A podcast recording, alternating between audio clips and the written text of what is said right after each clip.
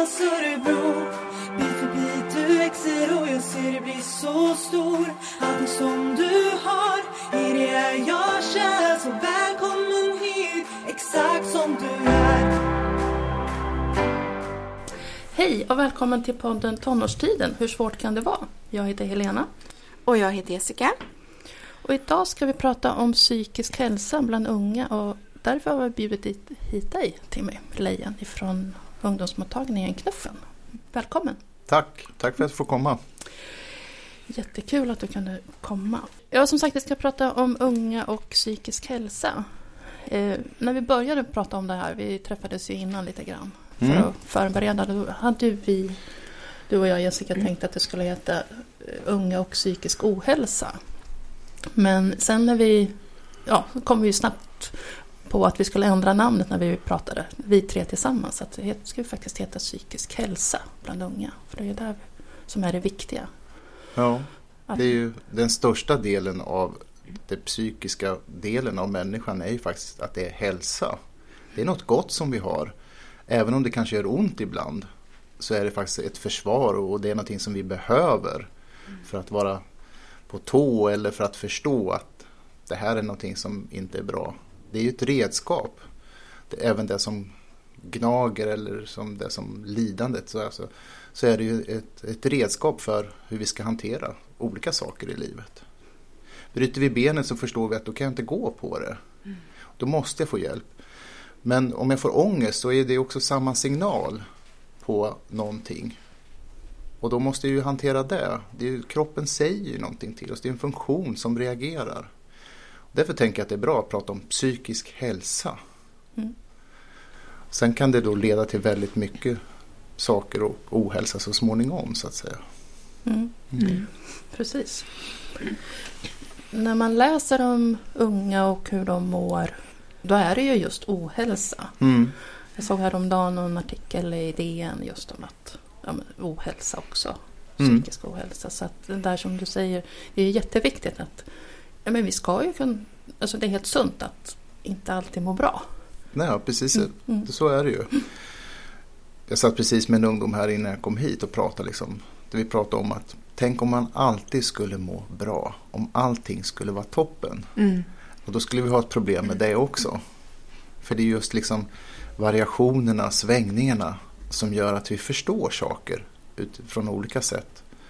Och, och det hjälper oss att hantera livet, just de här svängningarna. Skulle liksom allt vara top notch hela tiden, ja då skulle vi gå omkring som en bunt ja, osaliga för det på något sätt. Va? Mm. Ja, för det är ju, ja, precis som du säger, det är ju svängningarna i som gör att man uppskattar topparna. Ja. När man mår bra. Och, ja, men det är ett naturligt tillstånd Ja. att ha. Mm. Och det är så vi tänker på ungdomsmottagningar. Jag tror många också tänker och SKL har, liksom Sveriges kommun och landsting har ju en definition på psykisk hälsa som innebär att må okej eh, Eh, de flesta av dagarna och ha en fungerande vardag med familj och vänner och skola och arbete och sådana saker.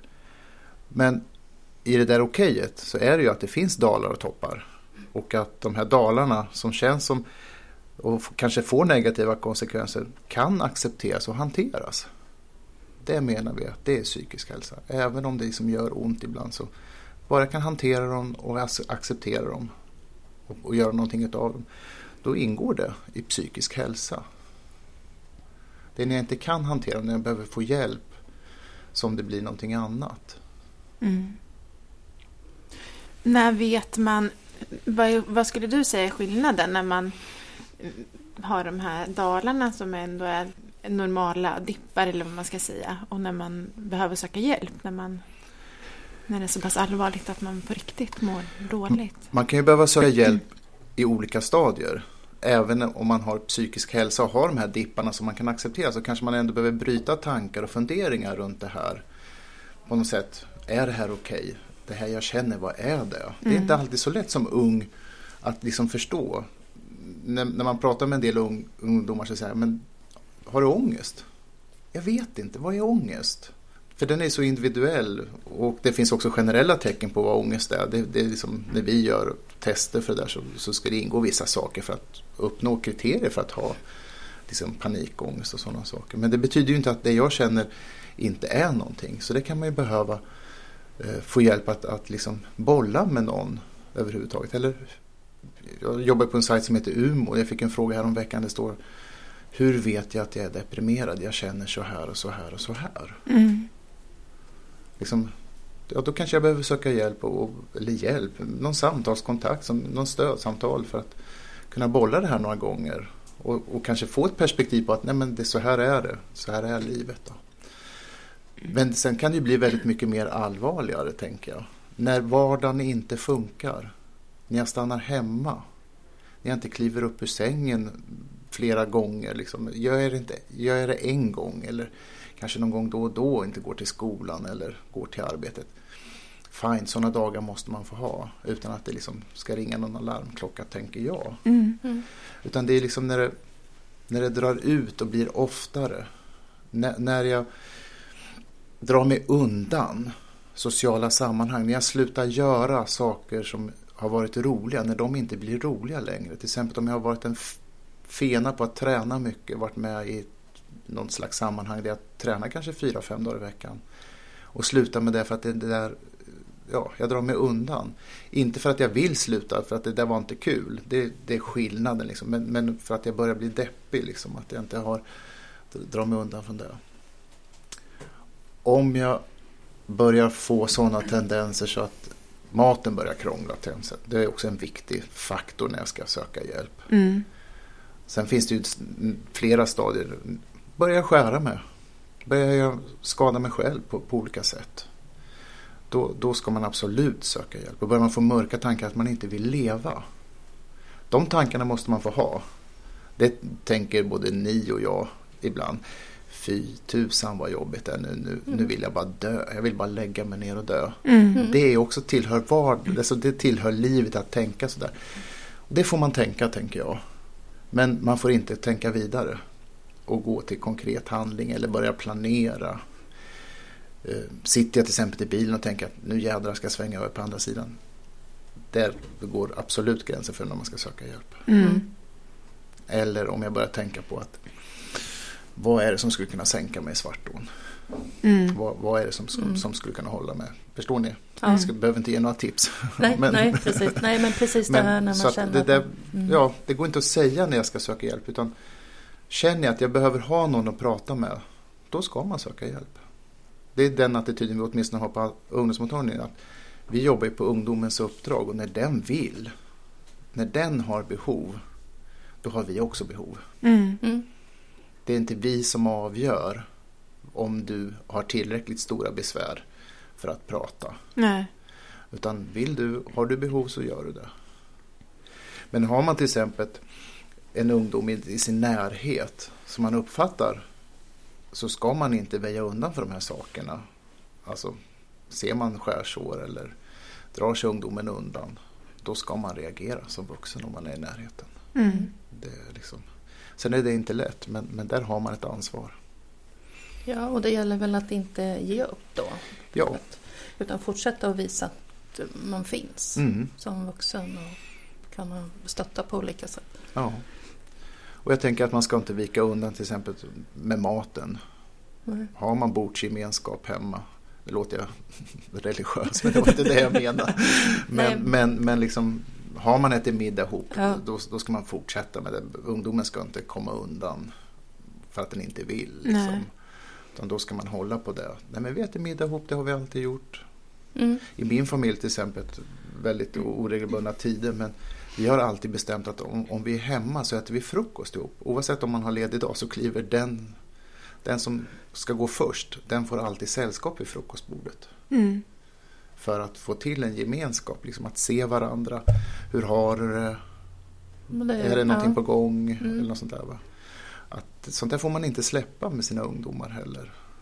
Jag tänker att just sånt där kan ju vara ganska svårt om man har, som du säger, man kanske har olika tider. Man kanske som förälder åker tidigare än ungdomen går till skolan eller går upp och sen kanske man har olika aktiviteter på kvällarna när man har tonåringar och man kanske inte har någon tid där man äter tillsammans. Det kan ju vara svårt då kanske upptäcka. just därför om... är det viktigt Ja, att, att hitta det där ja, penalistiska hemma så att även ungdomarna fick kliva upp ja. ibland. Oftast följde vi dem och deras mönster på, något sätt. Men ibland fick ju de också kliva upp. Och det där blev ju ett behov till slut. Va? Men, men jag tänker just i sådana här situationer som du beskriver där Jessica, är det kanske extremt viktigt Mm. att hitta de här, inte bara avstämningsmötena för att man ska kolla, utan för att också det ska vara trivsamt. Mm. Familjen är ju liksom ett system där, där, där vi ändå ska liksom fungera Mm. ihop och, och liksom på något sätt hänga ihop. Va? Mm. Det, det är ju så otroligt tydligt i vår kultur att familjen är utgångspunkten och då behöver man jobba på det där. Mm. Just därför att motverka de här dalarna, Mm. tänker jag, kan vara en sån här förebyggande grej. Mm. Att skapa gemenskap på det sättet. Det, nu låter jag sådär helylle, men, men, men jag Ja, tror att ni hänger med. Ja, men Ja. det gör vi absolut. För att jag, men jag håller med. Att det är ju nej, men det är bara att få en möjlighet att sitta och sen vilken tid man hittar det på dygnet. Men man vet att man då ska komma hem, då är det någon som ser mig. Jag får se mina mm, andra i familjen. Och det, att Ja. man har ett sammanhang. Ja. Men det är ju jätteviktigt att ha. Ja. Mm. Och det säger ju Antonovsky. Känslan av ett sammanhang är ju det väsentliga i livet för att vi ska liksom må bra. Ja, det Det, det, det vet vi ju. Nu har inte jag varit arbetslös speciellt många dagar i mitt liv. Men när man, så, när man tappar sin identitet till exempel på grund av arbete. Mm. Då är då livet rasar rätt så hårt för de allra flesta. Det är sånt där tydligt exempel att sammanhanget är viktigt. Mm. Familjen är viktig, vänner är viktiga, Mm. partner är viktiga. Mm. Och, och att man blir sedd. Men jag tror framför allt att man får se är minst lika viktigt.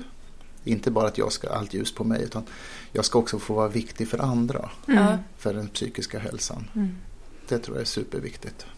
Ja, och då, nu tänker jag lite mer bara högt, men ändå att man, det är ju då man också tränar sig att se och lära sig hur Mm. att andra kan må lite dåligt men det inte funkar ändå.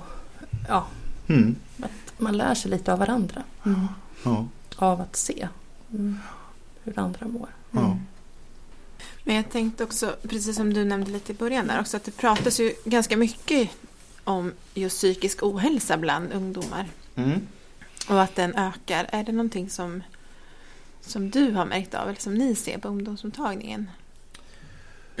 Ja, vi, vi ser ju att, att ungdomar söker mer för samtalsstöd och, och eh, psykologisk behandling hos oss. Mm.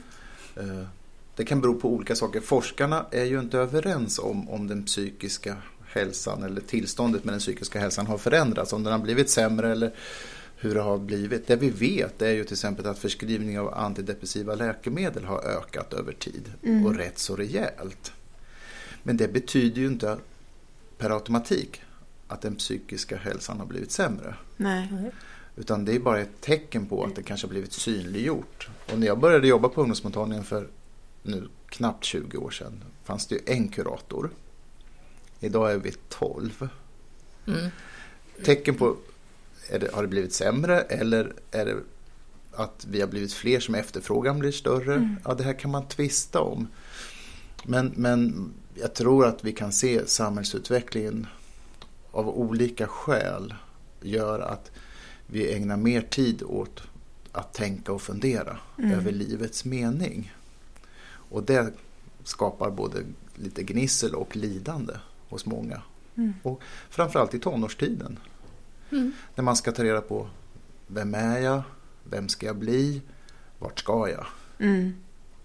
Det är ju stora frågor. Eh, när, när vi var unga, jag, alltså jag behövde inte reflektera efter gymnasiet vad jag skulle göra. Jag klev in på Norra sjukhemmet som det hette då Mm. och sa hej, hej, jag vill börja jobba. Ja, men kom på måndag. Mm. Liksom, jag behövde inte och så jag tänkte så här, här ska jag vara till jag har bestämt mig för jag ska vara i livet. Och är fortfarande kvar i sjukvården. Mm. Eller hälso och sjukvård. Mm. Men, men det var på ett sätt mycket enklare för, för väldigt många fler i alla fall. Sen fanns det svårigheter för andra ungdomar. Det ska man inte blunda för. Men så enkelt är inte livet idag tror jag. För det finns så många mer val. Världen har på ett sätt blivit större men den har, avståndet har ju krympt. Mm. Alltså när jag åkte ut och reste i Asien då på 80-talet efter gymnasiet så, så tog det kanske en månad innan mina föräldrar fick veta vad jag pysslade med. innan Mm. brevet kom hem. Liksom. Och Mm. sen fick jag då kanske vänta tre månader till jag kom till en ambassad eller till en postkontor där mina föräldrar hade skickat ett brev ungefär utifrån någon planerad resa. Här kan jag veta på nästan en millisekund vad som Ja. händer på andra sidan jorden. Mm.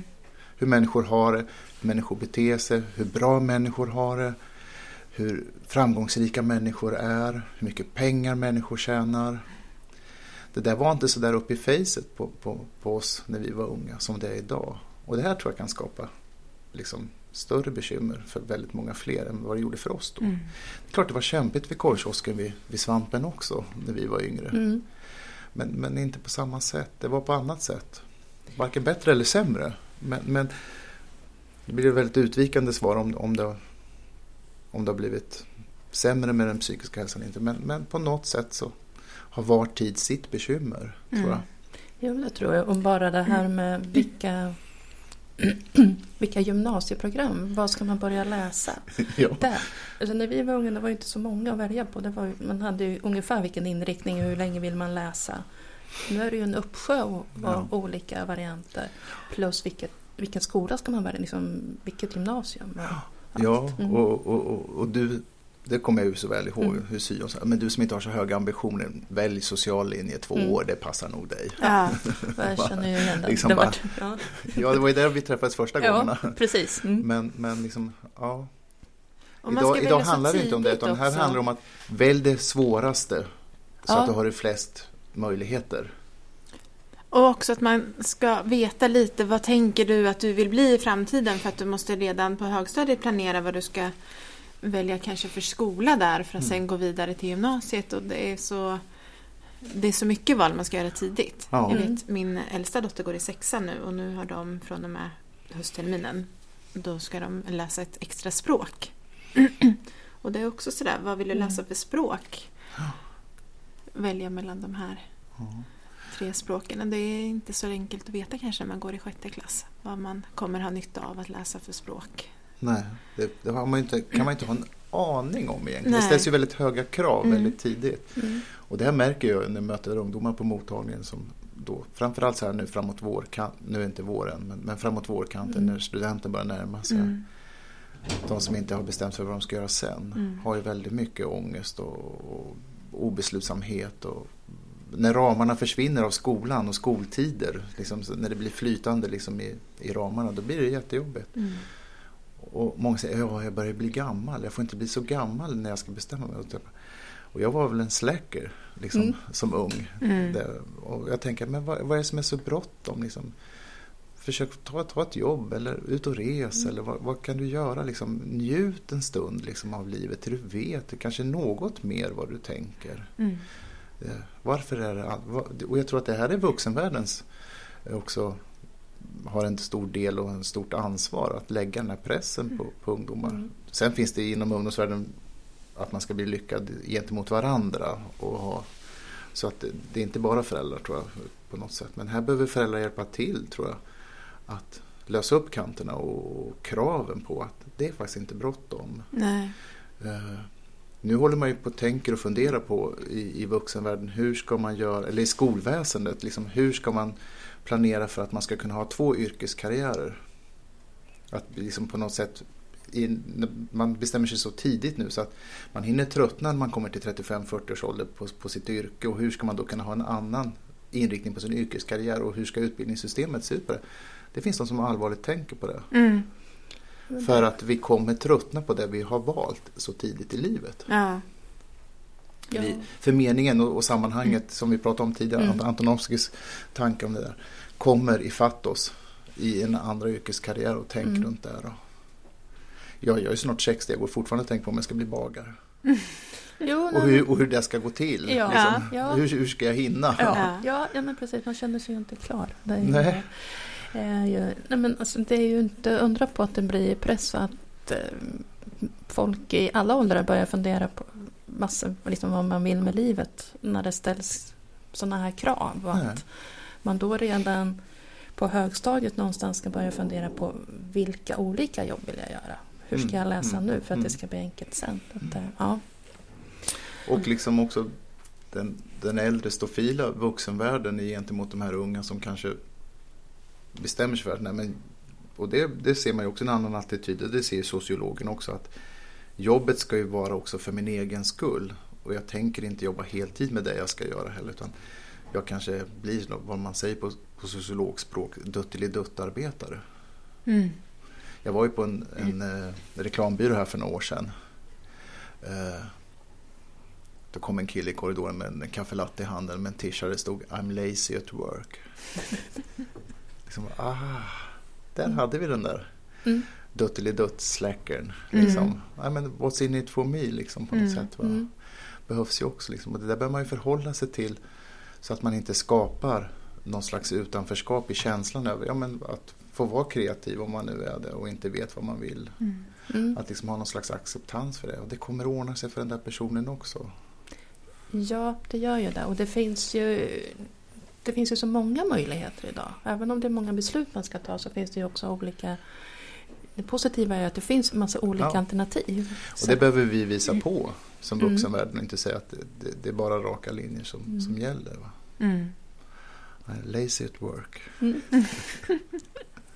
Jag tänker just, jag har tittat på lite forskning kring det här med psykisk ohälsa, varför den ökar. Och då, precis som du säger, det är ju det är ju svårt att säga vad det är som, om den har ökat och vad anledningen är. Men jag tänker just det här med skolan eh, är ju någonting Ja. som man tror är en stor del av det. Att det är många som känner skolstress och Mm. man känner att man måste prestera och man måste välja och, Mm. och en stress över det. Mm. att, Och de här poängen som ska samlas Ja. som jag då inte fattar hur det går till.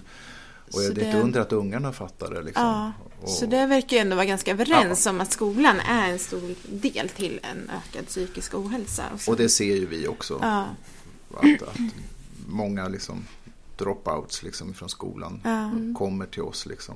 Och var det inte på nyheterna häromdagen? Var det inte 7000 ungdomar som var hemmasittare?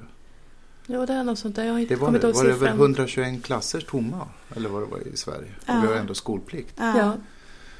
Jag, jag, nu vet jag inte om siffrorna var rätt här men det var ju liksom, ja, men jag tror det var över 7000 Mm. ungdomar som sitter hemma. Mm. Och det var ju något reportage om någon ung pojke där som var, var vad gick han i trean? Mm. Hade inte varit i skolan på ett halvår. Mm.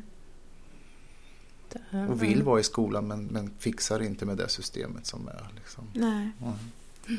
Och Mm. då kan man ju fundera på hur ska det bli för, för unga människor som så tidigt inte fungerar i systemet. Mm. Mm. För Jag då- tänker också där, vi har ju pratat lite om riskfaktorer och så tidigare. Skolan, Mm. att Mm. man inte klarar av skolan eller har, går i skolan är ju en väldigt stor riskfaktor just Mm. för ja, men psykisk ohälsa eller andra problem Mm. senare Mm. också. Så att, Det blir ett utanförskap ja. Och, och man blir väldigt udda. Mm. Mm. Så att, ja, där har skolan och, och vi vuxna runt omkring som har barn i skolan Mm. en utmaning. Mm. Mm.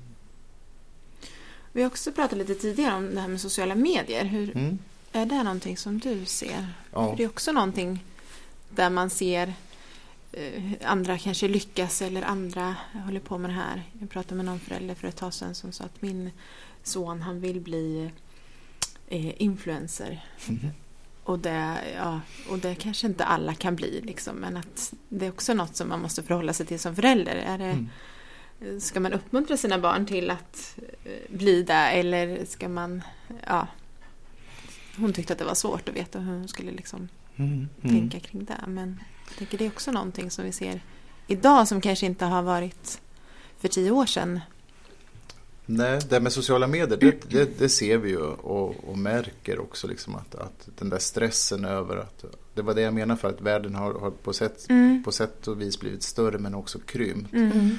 Och då, och då låg det den aspekten i liksom att nej, men jag kan i min smartphone väldigt mycket se hur andra har det. Mm. Jag vet inte, när vi pratade för tid tidigare så berättade jag om min egen mor som sa eh, Måste du liksom ha det så festligt hela tiden i ditt Ja. liv? Mm. Liksom, för jag lägger bara ut festliga bilder. Mm. Men det är ju det jag vill presentera. Så att jag fick ju börja lägga Mm. upp lite grötbilder på morgonen. För att hon ska förstå att jag äter faktiskt gröt också. Mm. Det är inte bara liksom italienskt och vad det nu kan vara. Nej. Och, men det är ju liksom det här med Facebook Life. Liksom, som, och då måste man ju förstå det. Och det kan nog göra rent logiskt eller liksom rent liksom förståndsmässigt. Men känslomässigt är det ju svårare. Jag brukar säga till mina ungdomar att vi har två GPSer i kroppen. Den logiska, den, den funktionella, liksom, det, det, det praktiska, liksom, det vi kan förstå. Men så har vi känslo-GPSen och det är den som man slår på först. Mm. Liksom. Sen måste den andra ta över och monitorera men det är inte så alltid att det funkar. Va? Mm. Och det tror jag när jag sitter med min smartphone och ser liksom hur, hur andra har hur fint andra har hemma. Mm. Liksom, och mycket prylar de har och så där, va? Det där slår en upp i ansiktet, så ab- absolut. Eh, Det där var ju liksom på ett annat sätt tidigare men, men ändå också på samma sätt. Men, men så att det där var som sagt var, var tid har sitt bekymmer utifrån samma problematik tror jag. Mm. Så att, eh, Det känns som man kunde välja mer vad man ville se.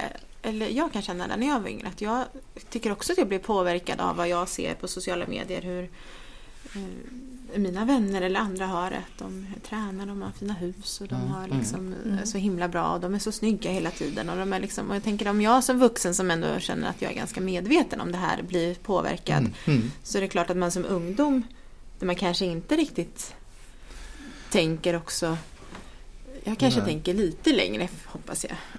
Men, men ändå blir Ja, och, väldigt sam, och sam, påverkad. sam, samtidigt tror jag att vi ska liksom också tro att ungdomar är smartare än vad vi tror ibland. Eller har mer liksom erfarenhet eller förstår mer än vad vi tror.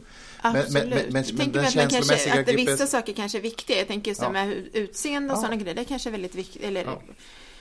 För känslan tar över liksom, och det är den som styr oss när vi uttrycker oss som yngre. Liksom. Vi Mm. kanske kan ändå gå på med den andra GPSen Mm. och, och styra sådär. Men Jag vill återvända till din fråga om man ska liksom uppmuntra Mm. de här som vill Mm. bli någonting i Mm. livet. Jag tycker generellt att man ska det. Mm.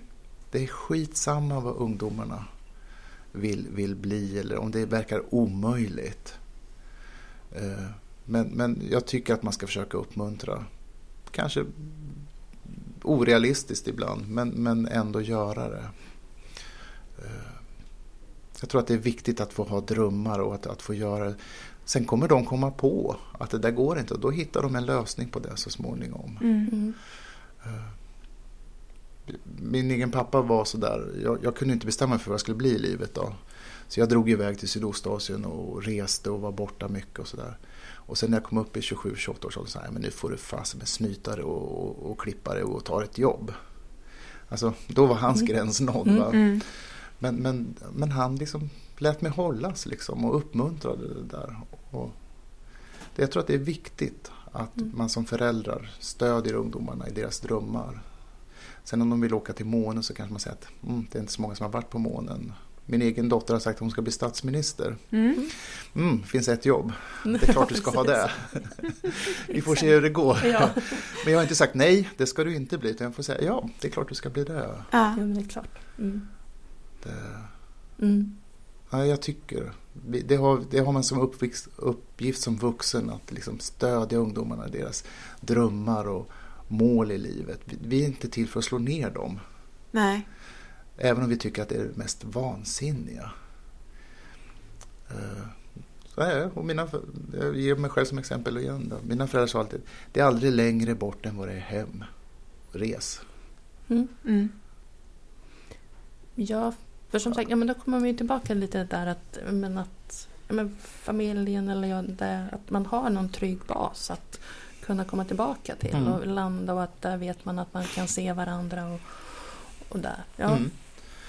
Och här har ni sett genom livet också genom er yrkesprofession att många ungdomar som kanske har lite skavande familjer eller vad var det han, Gösta Ekman sa, föräldrasvikt hade han som uttryck om Mm. sina egna föräldrar. Mm. Det var, han har inte sagt att de är dåliga, de hade bara lite svikt. Mm.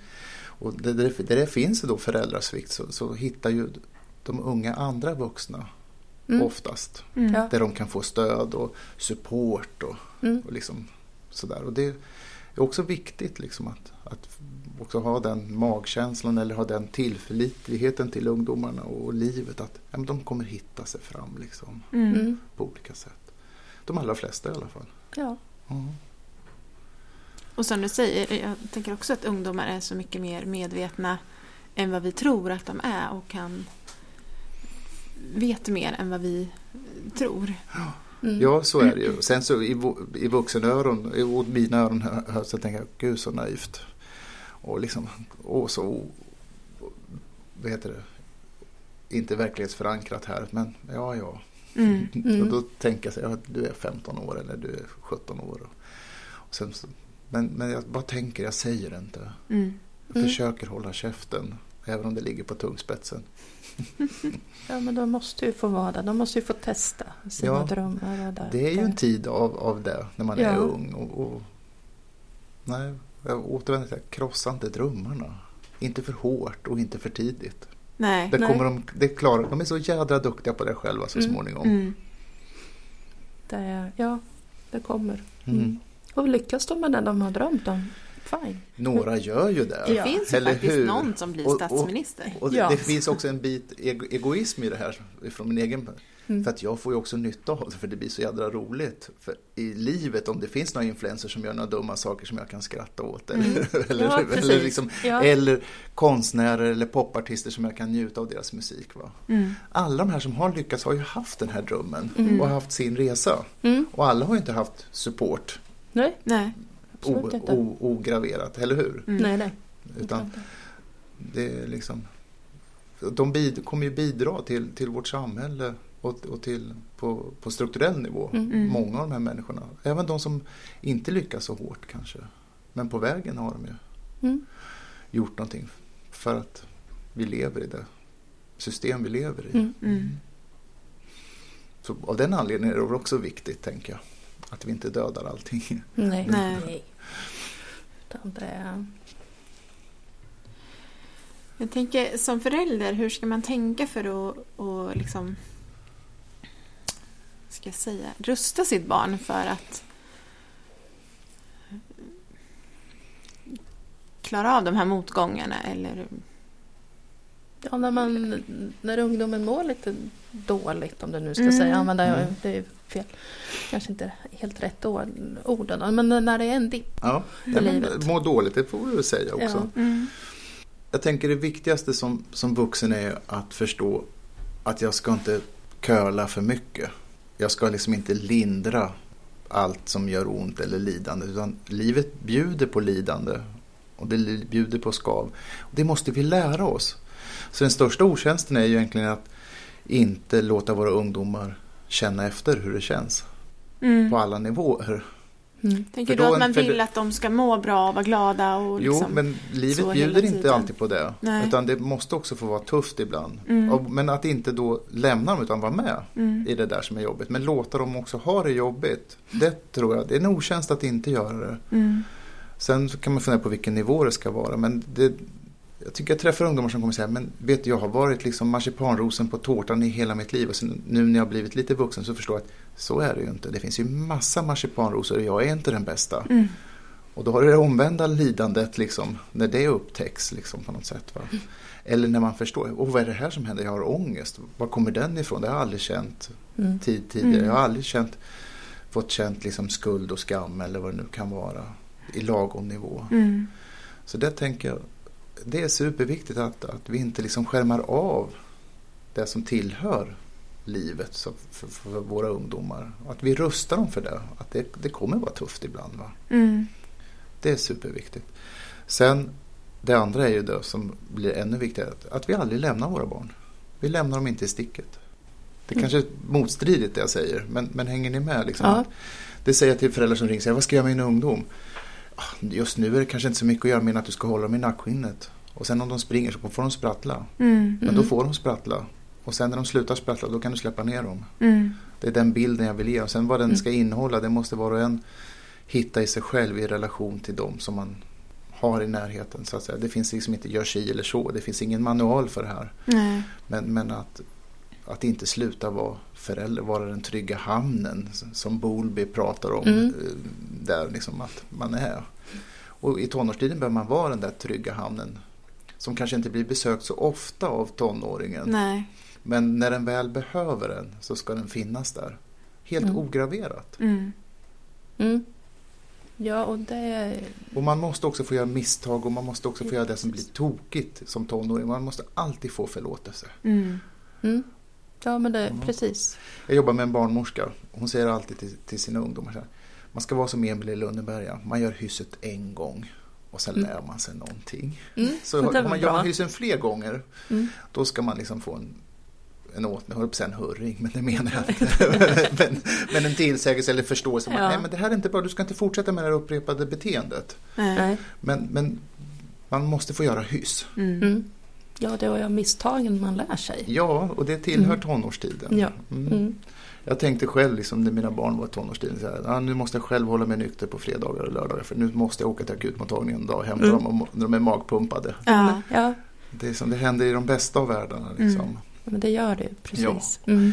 Och då får det, det måste bli en stor sak men det får inte ta över liksom, när när sådana här saker händer. För det, det kommer hända, man kommer prova alkohol, man kommer prova att ha Mm. sex med någon eller man Mm. kommer prova att träffa någon via nätet. Och det kommer hända massa saker i tonårstiden. Mm. Mm. Det sitter vi nog alla tre här och tänker att ja, ja, Mm. vi klarar oss. Ja, precis. det, Blev det svar på frågan vad man ska göra som förälder? Ja. Lite- ja, men det tänker jag. ja, Eh, För jag tänker att många föräldrar som jag pratar med på jobbet, de är väldigt osäkra på om de gör rätt eller Mm. hur man ska göra. Och jag tänker att det kanske viktiga är att man gör någonting, som du säger, att man visar att man är där. Sen Mm. kanske Mm. man inte alltid gör rätt som förälder heller, men det kanske inte Det är man. det som är det viktigaste. Hur- Och som förälder, det beror på gentemot vem man tänker att man gör rätt. Men mot tonåringar gör man säkert aldrig rätt. Nej. Men man måste ändå göra det. Och det som är viktigt är ju att om man uppfattar att nej, men jag hade faktiskt fel, jag gjorde fel. Då måste ju ordet förlåt finnas. Mm. Jädrar, det här Mm. blev bara så galet. Mm. Försöka ha den kommunikationen med sin, sin tonåring då. Mm. Att, eh, att jag som vuxen gör också fel. Att visa på, på det är också otroligt viktigt som, som förebild. Mm. Och även om man inte uppfattar sig själv som en förebild för sin tonåring så blir man ju det i mångt och mycket fortfarande. Precis som Mm. spädbarn och småbarn mm. så har tonåringen ändå liksom speglingen kvar. Även om de vänder spegeln bak och fram ibland. Mm. För de inte vill se. Nej. Och som du säger med den här säkra hamnen, att man kommer tillbaka. Man kanske inte gör det så ofta, Nej. men den betyder väldigt mycket att den finns där. Ja. Mm. För det tycker jag också en del föräldrar kan säga att ja, men de skiter i vad jag säger, de vill aldrig vara hemma, de vill inte äta med oss, de vill inte... Men att det ändå är viktigt viktigt när de väl behöver stöd eller, och vad föräldrarna säger, att det är viktigt att man bryr sig om det fast man Mm. kanske inte visar det som tonåring. Nu kanske jag är ute på... Jag bara får ställa en fråga till er. Har, Mm. ni, har ni hemförsäkring? Ja. Mm. Mm. Hur ofta tänker ni på det? ja, det är ju inte varje dag. Nej, Nej. men den är viktig att ha. Ja. Den är Och så här är det för tonåringar att ha liksom Ja. den här trygga hamnen. Precis där liksom. Jag använder den inte. Och jag hoppas att jag aldrig ska behöva använda den. Och så tänker nog tonåringen Mm. mångt och mycket. Va? Mm. Men, men när den väl, om det börjar brinna så är det jädrigt skönt att ha den där hemförsäkringen. Och det behöver tonåringar ha sina föräldrar. Mm. Det, jo, och det märker man ju olika de andra gästerna som vi har haft här som vi har pratat med. Liksom Mm. att, men det, det är jätteviktigt vad föräldrarna säger och tycker Ja. och man bryter mot regler och man blir jätteledsen när vi har träffat dem när vi har jobbat ute Mm. och, och sådär. Mm. Att det, det ger inte hem, mamma och pappa blir jätteledsna, arga, besvikna Mm. och sådär. Så att det, det har ju betydelse att de finns där. Mm. Och, det, och är det så att föräldern blir arg och så, då är väl det en bra förälder. Att den reagerar. Mm. Och, och säger ifrån, det här var faktiskt inte bra. Mm. Så det behövs ju liksom. Mm. Ja. Då lär man sig ju. Mm. Ja, precis. Mm. Har man en förälder som säger, men jag skiter i vad du gör. Då är man ju helt lost. Ja, Som tonåring. Ja. ja precis. Det, Mm. Nej, man måste som förälder vara närvarande Mm. hela tiden. Mm. Även om man blir bortvald hela tiden. mm. Mm. Det, det tillhör föräldrarollen. Mm. Jag kände själv när jag fick barn, det var liksom att kliva in i den ständiga ångestklubben. Det är liksom, den slutar aldrig eh, av, Mm. av oro och bekymmer runt sina barn. Nej. Det ska den inte. Mm. Det är så det ska vara. Mm. Man ska ha omsorg om dem. Precis. Sen är det olika. Liksom. Det går inte att säga att så där ska det vara eller så där ska det vara. Mm. Lita på dig själv. Mm. Mm. Hur, hur skulle du själv vilja bli mött? Jag tänker det. Mm. Hur skulle du själv tänka i den här situationen om du var på, på den andra sidan? Mm. Mm. Och så får man ta någon utgångspunkt i det. Mm. Ja, men det är ett jättebra tips. Jag Ja. tycker att det är många föräldrar som jag hör som är väldigt osäkra på man vill göra rätt och man, Mm. hur gör alla andra? Gör de också så här eller kan man göra så här? Mm. Men eh, det, ja, jag pratade mycket om att vad som funkar för er är ju det som är, vad, känns, vad Ja. tänker du? Du Mm. känner ditt barn bäst. Mm. För det kan också vara att kan du prata med mitt barn och berätta de här sakerna? Fast det är ju du som förälder som behöver säga det. Det är ju dig de lyssnar på. Det är du som betyder någonting. Jag betyder ju inte lika mycket utifrån. Nej, och, och budskapet får ju inte den liksom, viktigheten i Även om föräldern säger någonting som ungdomen inte vill eller tycker att du är helt dum i huvudet så är det ändå föräldern som ska stå för det. För det är då Mm. det blir en botten Mm. i det så att säga och förankrat liksom. Säger socialtjänsttanten eller ungdomsmottagningsterapeuten det här. Ja, då blir det på ett annat sätt. Mm. Det kan bli bra också men, Mm. men, nej, men det är ju föräldraskapet som ska ta ansvar för det här och liksom Mm. stå för de Mm. här sakerna. Det är Ja. de som ska vara grundmurade Mm. gentemot sina tonåringar. Mm. Sen är det inte lätt att vara tonårsförälder. Det, Nej, Nej. det är det inte. men det, det är också viktigt att man har kunskap om vad som händer som förälder i tonårsvärlden. Mm. Mm. Det tycker jag har väldigt nytta av i min yrkesprofession också. Skulle jag sitta och tappa hakan när ungdomarna berättar vad de är med om, som en fågelholk, då skulle jag inte ha något förtroende. Nej. Utan jag måste liksom på något sätt vara på tå och veta att det här rör sig nu. Mm. Och det behöver man också vara som tonårsförälder. Sen, vad finns det för kretsar? Vad, vad händer och vad görs det? Liksom? Mm. Och hur tänker ungdomarna? Och hur förhåller de sig till varandra? Det där är jätteviktigt att ha koll på läget. Mm. Mm. För då blir man ju inte överraskad heller. Hur ska man ta reda på det här då, som förälder? Ja, jag tänker att, att samtala med sina ungdomar utan Mm. att vara polisiära i sitt förhållningssätt. Och man ska inte vara kompis heller. Nej. Det, det, liksom, det blir också Mm. väldigt knepigt om jag går ner på samma nivå eller blir på samma nivå som mina tonåringar. Liksom. Jag måste ändå ha vuxenrollen kvar och tydligt för mig. Men, men på något sätt att, att visa att jag är faktiskt intresserad. Jag är inte, det är inte kontrollen som är det viktigaste. Att jag tror För det att, kan ju också vara svårt ibland, tror jag, som förälder att veta när, när visar intresse och när eh, blir det, går Mm. över till kontroll. För det kan man ju höra en del ja, ungdomar att ja, men du frågar ju bara tusen frågor hela tiden. Ja. Och, jag tror att kompisar är viktiga. ja. De är bra informanter. Mm. att bjuda hem kompisgänget om man nu har ett sånt socialt eh, förhållningssätt att se till så ungdomarna tar hem sina kompisar. Att de umgås hemma. Umgås hemma. man, ja. Och det vet vi ju, alltså, den mesta tiden, det visar ju forskningen, det är ju att ungdomar är ju mest hemma. Mm. Men de är också väldigt själva. Men, men att bjuda in, var, var öppen som förälder. Liksom att, man kan inte ta hit gänget då. Liksom, Mm. Häng här. Mm.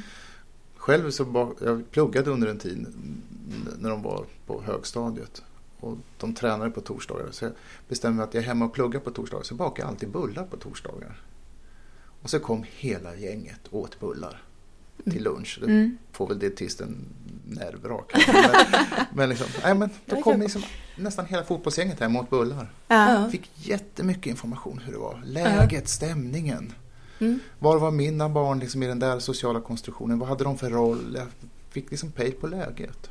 Då kanske man inte behöver ställa så himla mycket Nej. frågor heller. Nej. Utan man kan bara liksom... Mm.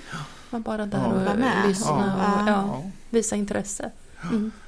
Ja, och när de åkte på liksom sån här musikfestival då var jag med. Jag åkte med. Jag campade på, på vuxencampingen och, rör, rör, rörde mig på området sådär. Mm. Träffade ungdomarna och liksom åt, åt lunch med dem. Bjöd dem på lunch. Mm. Blev ju jättepoppis bland kompisarna. Liksom. Mm. Fan, superfarsan bjuder på lunch liksom. Så mutor är liksom... Nej. Ja, Nej, men Ja. jag förstår. Ja. förstår du vad jag menar? Mm. Liksom att, att våga vara i de där sammanhangen. Mm. Mm. Och, och mina barn tyckte att jag var väldigt jobbig sådär. Mm. Speciellt åkte på, på festival. Mm. Men det fick, så fick det vara också. Liksom.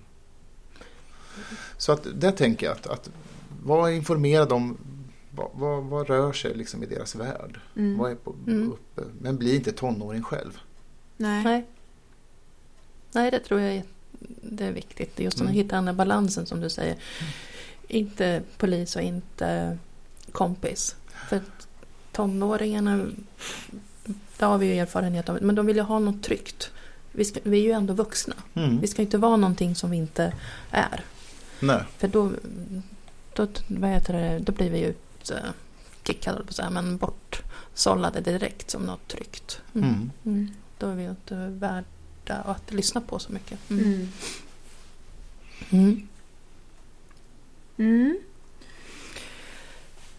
Mm. Mm. Mm. Eh, jag tänkte på, det, vi pratade lite om nätet och där man kan hitta mycket saker där. Men om man då som, om man har en ungdom eller kanske om det är någon som lyssnar på det här ungdom själv också. Om man nu inte mår så bra, mår lite dåligt och vill läsa på mer. Mm. Har du något tips om vart man kan titta så att man hittar rätt sidor? säga? Mm. Jag tycker att Umo är en bra sida. Mm. Det är ju liksom basen och ägaren är det är Sveriges kommun och landsting. Mm.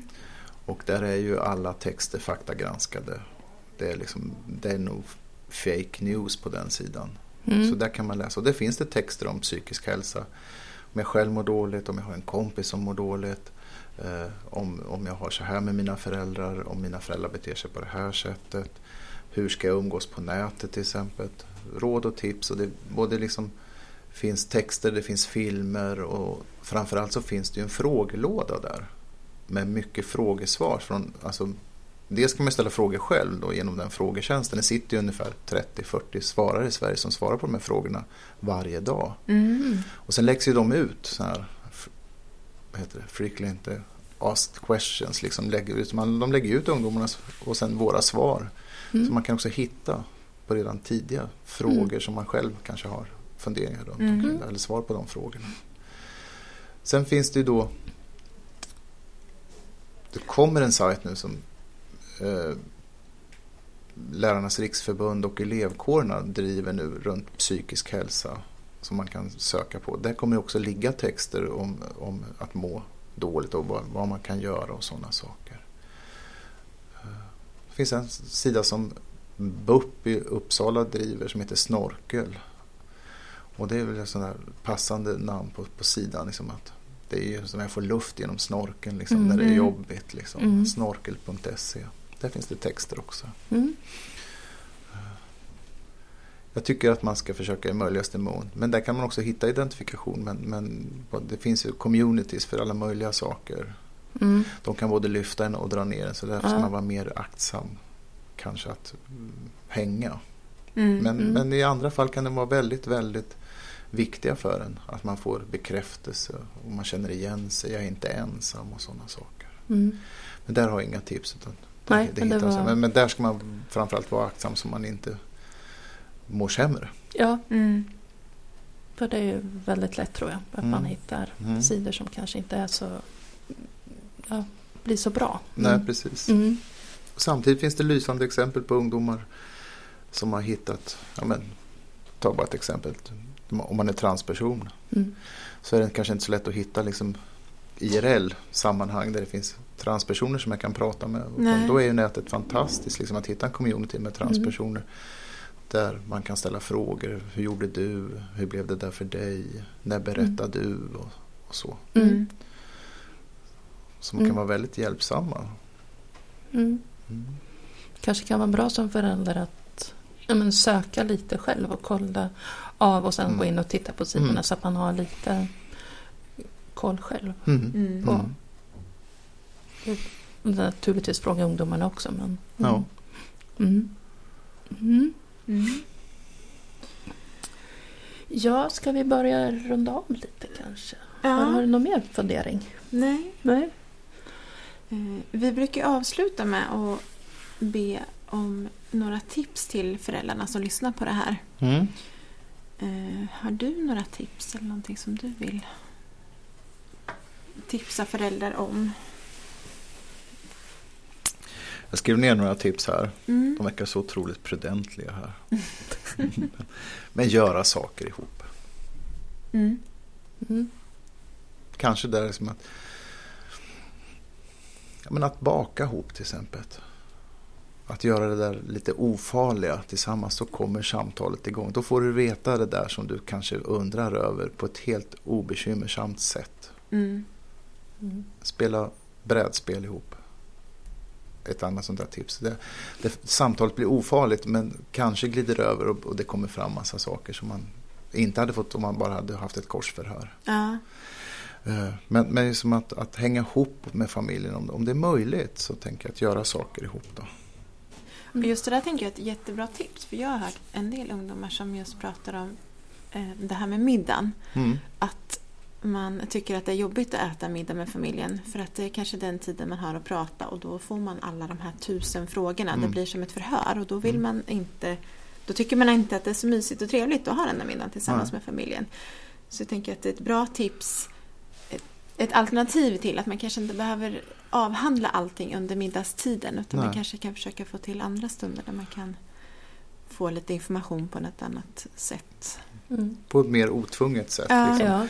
För att det, är också, det är också viktigt att måltiden blir trivsam och, Ja. in, och inte det där runt det där. Och, Nej. men så att, men jag tycker att, att just baka ihop om man tänker att det kan vara det, Mm. det blir ju dubbelt, liksom. det kommer ut något gott av det också. Mm. Mm. Rent Ja, konkret. Men, men liksom, ja. Andra tips är väl liksom att ja, men, lyssna. Dum inte. Mm. Det tror jag. Mm. Mm. Det hör jag en del ungdomar säga. Tänk om de bara kunde lyssna men de ska ju också säga massa saker och ha åsikter. Mm. Håll, håll igen lite Mm. på vad du själv tycker och tänker. Du är inte alltid den viktigaste i livet för en tonåring. Det är också ett tips. Liksom. Mm, mm. Försök liksom. Lyssna Hålla käften lite. Ja. Mm. Mm. Ja, jag säger det på ett mer rakt på sak än vad du gör Jessica. Det är det andra. Ja. Sen om ungdomarna mår lite dåligt och hyperventilerar och så här, det blir mer praktiska kon- konkreta Ja. tips. Ha såpbubblor hemma, blås lite såpbubblor med dem. Det går inte att göra om man är hysterisk. Mm. Om man liksom har hysteriska ungdomar som har ångestattacker och sådär.